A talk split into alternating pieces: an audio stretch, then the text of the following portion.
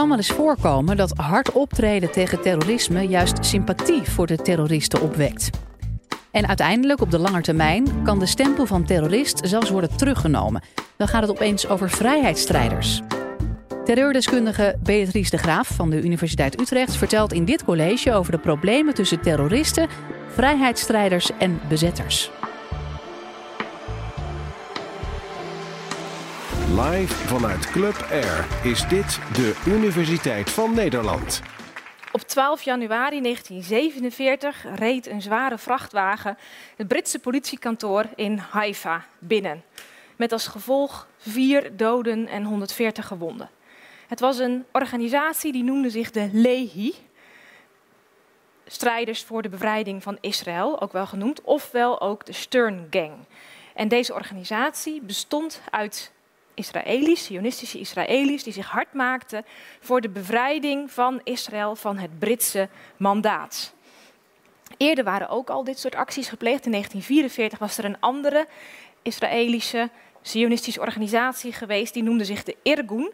En die had een aanslag gepleegd op het Koning David Hotel. Dat was het hoofdkwartier van de Britse bezettingsmacht in die gebieden. Want daar waren de Britten op dat moment nog de baas. En daarbij vielen 91 doden. Dit waren interessante groeperingen. Ze werden door de Britten ook meteen als terroristisch gedefinieerd. Ook door de uh, eh, VN, die toen net in oprichting was, werd opgericht, ook als terroristisch neergezet. Deze groep gebruikte tactieken die hem waren bijgebracht door de Poolse strijders tegen Stalin en Hitler. Ze hadden ook goed gekeken naar de IRA, die in de jaren 20 van de 20ste eeuw tegen de Britten in opstand waren gekomen. Ze kregen erkenning, herkenning van andere terroristische groeperingen en ook hulp. Deze groepen waren typische voorbeelden van wat we wel noemen de golf van dekolonisatie, terrorisme. Er is een theorie van David Rappaport dat je vier golven van terroristisch geweld hebt. De eerste golf was de golf van het anarchisme, hing ook sterk samen met de opkomst van nieuwe technologieën. Deze golf was de golf van decolonisatieterreur. Die hing ook samen met nieuwe technologieën, bijvoorbeeld de radio onder andere. Maar er was ook nog iets anders aan de hand. President Wilson lanceerde in januari 1918 zijn 14-puntenplan. En daarin brak hij een lans voor dekolonisatie. Hij wilde dat alle landen, niet alleen de westerse landen, maar ook de landen in Azië, in Afrika, dat die ook bevrijd zouden worden van het koloniale juk van de Europeanen. Hij zei er moet recht komen op zelfbeschikking, op zelfbestuur. De Slavische volken moeten vrij kunnen worden. En onderdrukte volkeren moeten in staat zijn een eigen staat, een eigen natie op te bouwen. Wij, Amerika, hebben het voorbeeld gegeven. Wij hebben ons verzet tegen de Britten al een heel vroeg stadium. Nou moet de rest van de wereld dat ook kunnen. Nou, dat was die verklaring de lont in het kruidvat voor een grote golf van decolonisatiegeweld. Irredentisme wordt het wel genoemd, separatistisch terrorisme. Allerlei landen grepen die verklaring aan om te zeggen: wij hebben dus nu ook recht op een eigen land. De IRA probeerde dat in de jaren twintig, maar ook in Israël, in Cyprus, in Jemen en Algerije stak rebellie de kop op. Zo'n tweede golf duurt volgens eh, de theorie van Rappaport ongeveer 40 jaar. Dat klopt in dit geval ook. Het was een golf die liep van deze ruwweg, deze periode van de Eerste Wereldoorlog, tot aan de jaren 60. De vraag is natuurlijk, moeten we, mogen we dit geweld wel terrorisme noemen? Ik hanteer een historiserende benadering. Dus als het in die tijd zelf als terroristisch werd gekwalificeerd, hoe erg of hoe fout we dat ook vinden, gaan we daarin mee om te onderzoeken waartoe dat heeft geleid. En in dit geval zullen we ons afvragen hoe dit decolonisatieterrorisme werd beëindigd of het succesvol was en of de reactie van de autoriteiten erop, bijvoorbeeld door het als terroristisch te bestempelen, of dat terecht was en of dat heeft geholpen.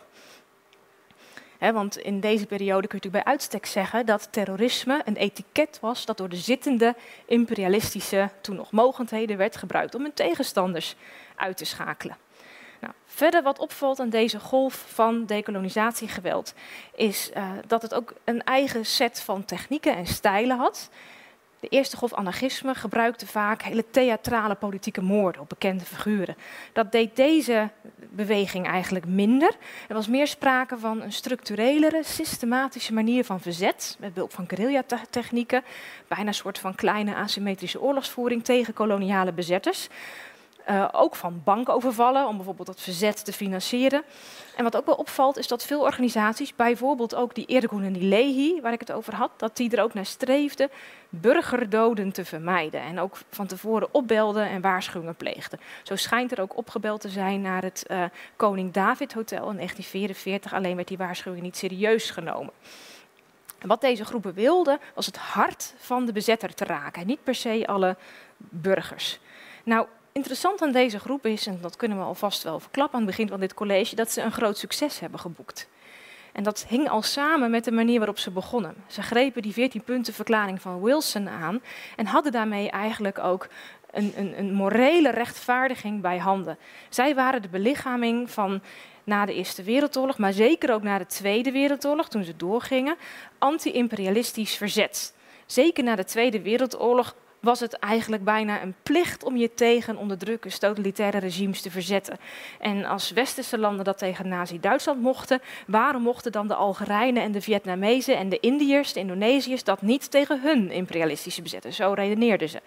Ten tweede maakten ze ook gebruik van de radio, van allerlei nieuwe explosieven. En ze legden ook ten derde een heel sterk zelflerend vermogen aan de dag. Deze groepen waren buitengewoon gemotiveerd, ook sterk samenhangend, samenhorend. Zeker uh, bij organisaties als de IRA, maar ook de Irgun, waren er hele families die daar lid, uh, deel van uitmaakten. Met de paplepel hun kinderen eigenlijk de trouwde loyaliteit aan de groep uh, ingoten. Gemiddeld is de levensduur van een terroristische organisatie 1 à 2 jaar, langer niet. 70, 75 procent van de terroristische organisaties is voor die tijd weg. Of gedood, of gevangen, of houdt er zelf mee op, gewoon omdat ze te klungelig of niet goed georganiseerd zijn.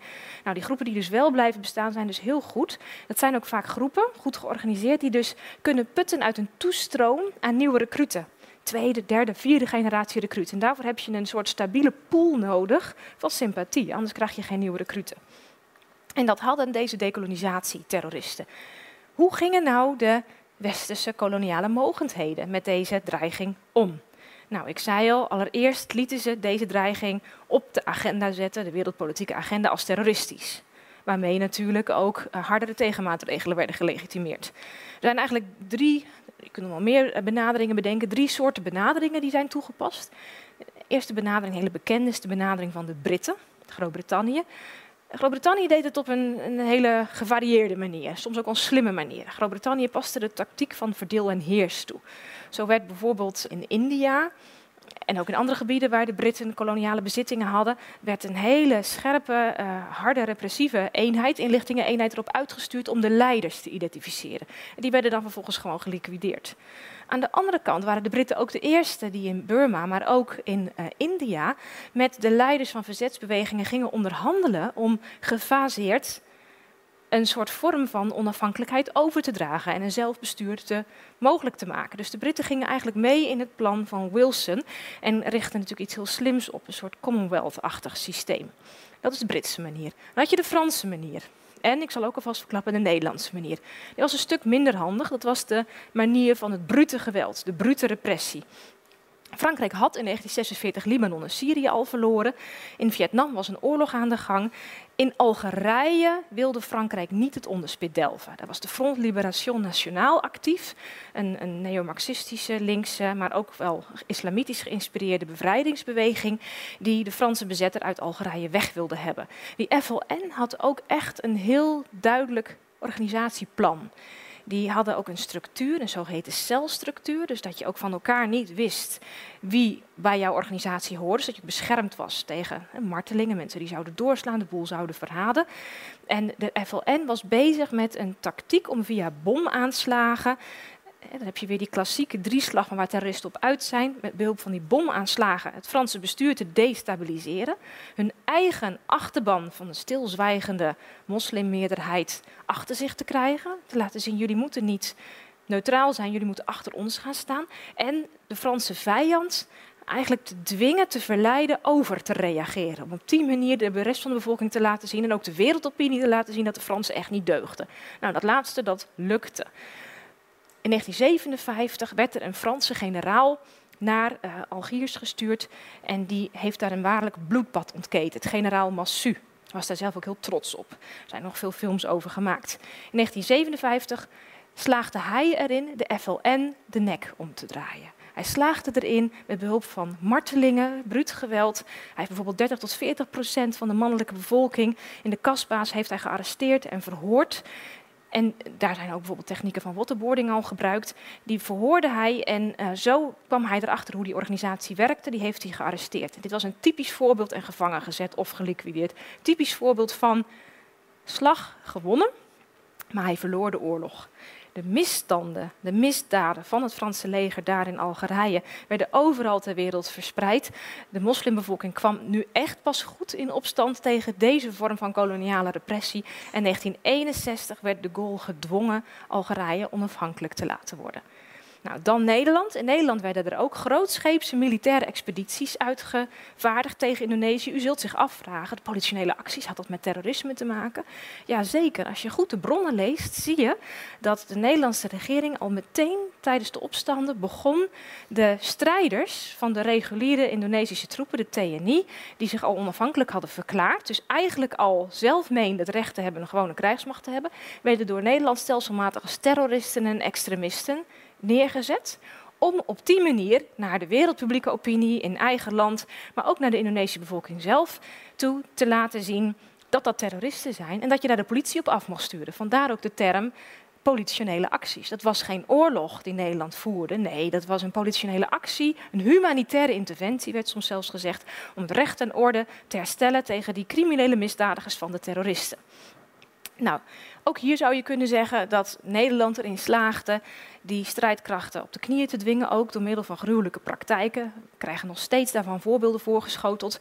Iemand als kapitein Westerling stond er ook onbekend dat hij hele dorpen uitmoordde in deze strijd, die door Nederland de strijd tegen terrorisme werd genoemd. Maar uiteindelijk werd Nederland gedwongen door Amerika met name, door de publieke opinie, om Indonesië onafhankelijk te laten worden. Dus ook hier zeggen wij misschien zelf van terrorisme, terrorisme, was dat dan terrorisme? Nu zeggen we nee, natuurlijk niet. Het was rechtvaardig verzet, dat is een onafhankelijkheidsstreven van Indonesië. Het had dus succes. Denk nog even terug aan de Irgun en aan de Lehi die ik beschreef. Een van de oprichters van de Irgun was Menachem Begin. Hij werd later premier van Israël. Een andere leider van de Lehi was president Shamir. Hij werd gezocht, zelfs een opsporingsplakkaat van hem destijds uitgevaardigd. Ook hij werd premier. Dus je ziet, terroristen kunnen succes hebben in de zin dat ze een doorstart maken. Hè, van bevrijdingsstrijden maken ze een doorstart als politiek leider. Daarmee lijken Begin en uh, Shamir wel de weg ook van Arafat te volgen. Wat moeten we nou met dit terrorisme, dit decolonisatieterrorisme aan? Het is dus terrorisme dat eigenlijk veel succes heeft geboekt. Zoveel succes zelfs dat wij nou met terugwerkende kracht bijna al zijn vergeten dat het destijds als terrorisme werd gebrandmerkt.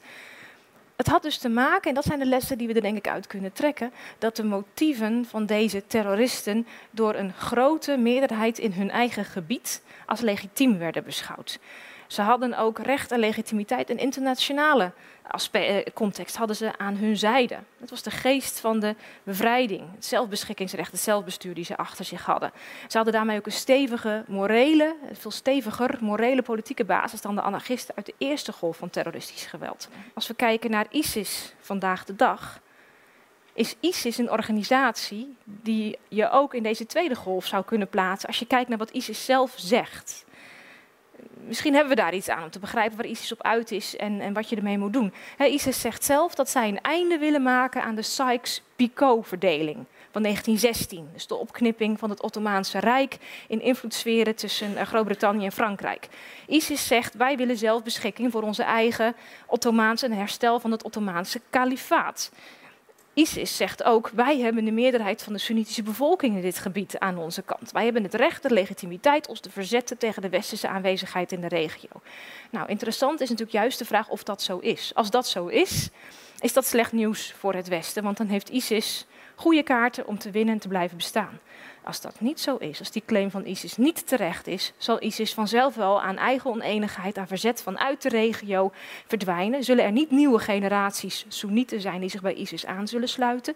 Zal ook de toevloed van westerse strijders misschien wel opdrogen, want dan is ISIS eigen claim wordt eigenlijk weerlegd door bijvoorbeeld ook andere uh, sheiken uit de regio die zeggen ja, die oprichting van het kalifaat, en dat wordt ook al volop gedaan, dat is niet iets wat in onze naam gebeurt.